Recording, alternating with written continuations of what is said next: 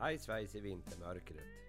Nu kommer det lite mer anekdoter ifrån Nattavaras charmtroll Sigge. Ja, man var ju inte direkt populär hos farsan efter historien med hoppbacken. Så jag blev som tvungen att hålla igen lite. Om jag skulle ha någon chans att få det jag hade önskat mig julklapp. För jag hade en ganska lång önskelista. Fast min skilde sig en aning som ni kanske förstår. Som nummer ett på listan hade jag satt upp snöskoter. Och som nummer två skridskor. Och en hockeybur. För det tyckte jag liksom hörde ihop.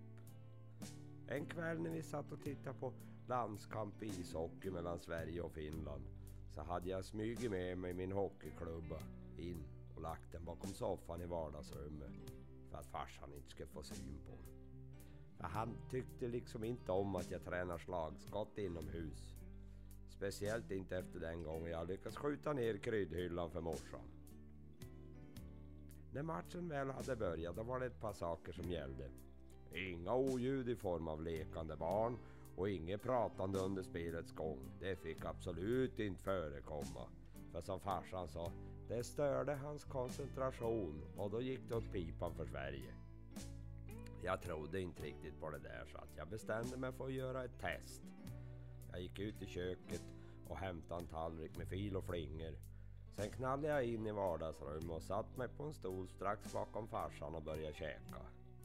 Sörpla lite extra bara för att testa om farsan hade rätt i sina teorier. Men det hände ingenting. Inga finska mål, inga svenska utvisningar. Du hade fel om det där med koncentrationen sa jag till farsan. Nu har jag suttit här en bra stund och slamrat med skeden och inte har det hänt något. Inte har det blivit några finska mål så du har fel, fortsätter jag lite kaxigt. Men jag hann knappt avsluta mina teorier förrän det small till och så blev det mål för Finland. Ja, ni kan ju räkna ut resten.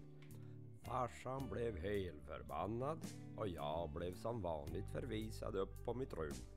Men min kära mor, hon som normalt inte brukar hetsa upp sig. Hon var sur på farsan och så sa hon det var väl inte pojkens fel att finnarna gjorde mål så nu fick han allt lugna ner sig. Och så käbblade de sådär fram och tillbaka en stund. Ja, ja, hur som helst, det slutade med att jag fick fortsätta att se på matchen. Fast jag blev tvungen att lova farsan och var knäpptyst i fortsättningen.